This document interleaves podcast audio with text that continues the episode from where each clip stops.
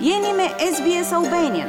Mësoni më shumë dhe vizitoni sbs.com.au fraksion Albanian.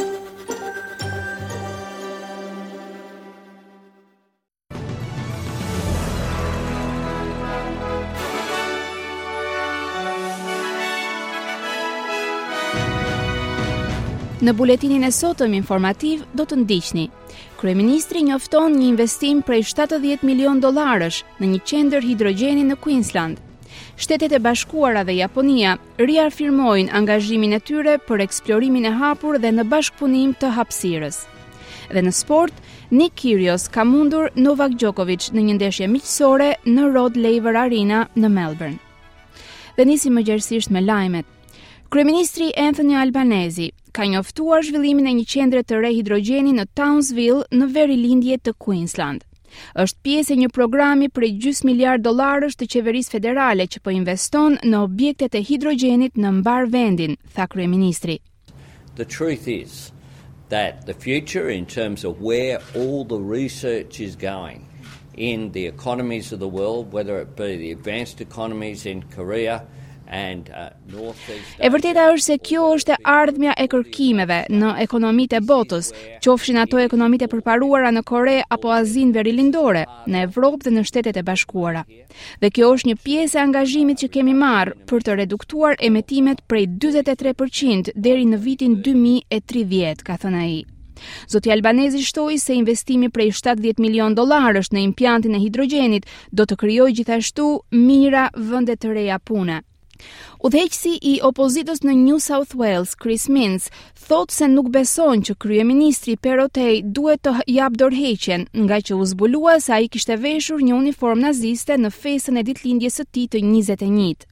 I pyetur për skandalin e fundit, Minns e quajti incidentin një gabim të madh. Look, I just say in relation to that issue, obviously first up it was obviously a big mistake that he made uh, at that time. I think it's important. Thjesht po them në lidhje me këtë çështje se pa dyshim është një gabim i madh që ai bëri në atë kohë. Mendoj se është e rëndësishme të pranojmë se ka kërkuar falje të sinqertë për këtë. Nuk mendoj se kjo do të ndikojë në fushatën e zgjedhjeve të ardhshme. Mendoj se njerëzit në New South Wales do të marrin vendime bazuar në shumë çështje të tjera që po debatohen, ka thënë Minns. Incidenti vjen vetëm 2 muaj para zgjedhjeve në New South Wales që do të mbahen më 25 mars. Bregdeti verior i Queensland është paralajmëruar se mund të ketë përmbytje potencialisht të rrezikshme për jetën.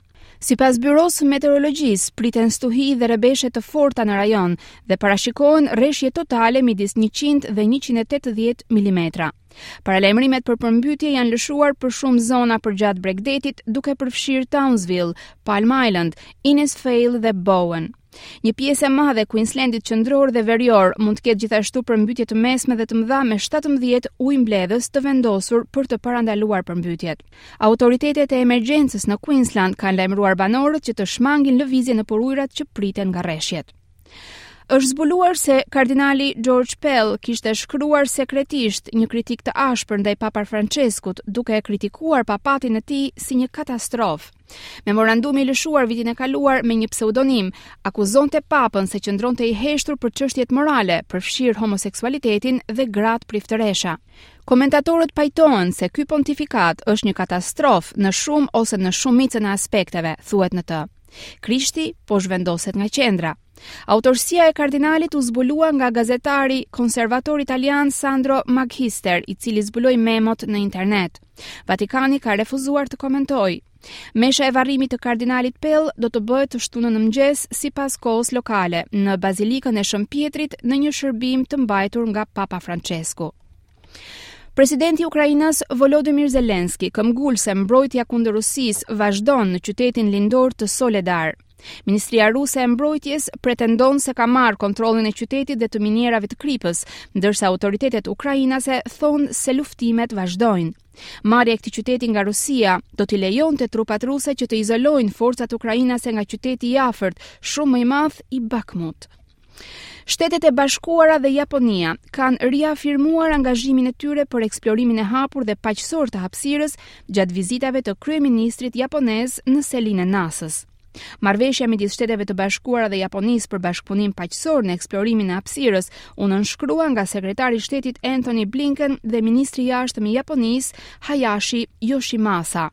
Administratori i NASA-s, Bill Nelson, i uroi mirëseardhjen kryeministrit japonez në selinë qendrore. Ai tha se eksplorimi i hapësirës nuk kishte të bënte me arritjet e kombeve individuale, por me njohuritë e fituara nga bashkëpunimi global. Our nations are both spacefaring nations. Kombet tona janë të dyja kombe hapësinore, kombe e gatshme për të zhbllokuar sekretet e universit. Dhe sot ne po riafirmojmë edhe një herë se Japonia dhe Shtetet e Bashkuara eksplorojnë hapur, eksplorojnë në mënyrë paqësore dhe së bashku. Të paktën 9 persona janë vrarë dhe disa të tjerë janë plagosur në një seri tornadosh në juglindje të Shteteve të Bashkuara të Amerikës. Stuhitë e së enjtes u shtrinë nga Mississippi në Georgia me të paktën 5 tornado që goditën Alabamën qendrore sipas shërbimit kombëtar të motit. Ekipet e shpëtimit raportuan 7 vdekje në Alabama, ndërsa 2 trupa u gjetën në Georgia.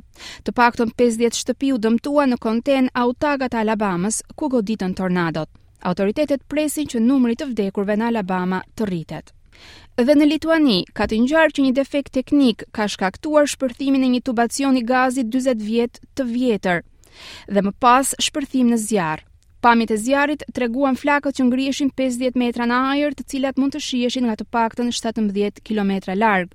Lituania kufizohet me Rusinë dhe shtrihet në detin Baltik, ku tubacionet e gazit nga Rusia në Gjermani u shkatërruan nga shpërthimet vitin e kaluar.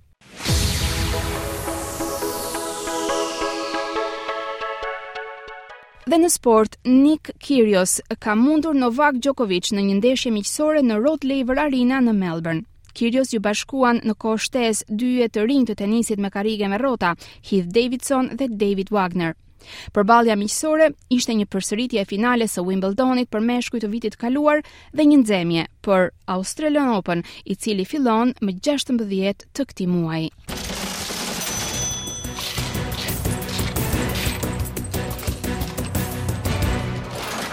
Do të kalojmë tani në kursin e këmbimit të valutës australiane. Një dollar australian sot këmbehet me 74 lekë shqiptare, 0.64 euro, 0.69 dollar amerikan dhe me 39.70 denarë të Maqedonisë së Veriut.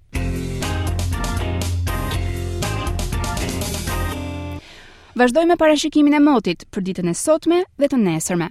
Sot nëpër qytetet australiane u regjistruan këto temperatura.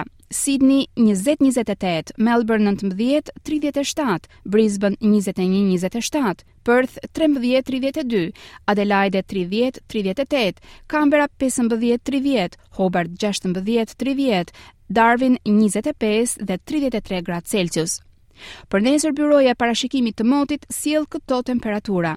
Sydney 19-29, Melbourne 17-22, Brisbane 20-29,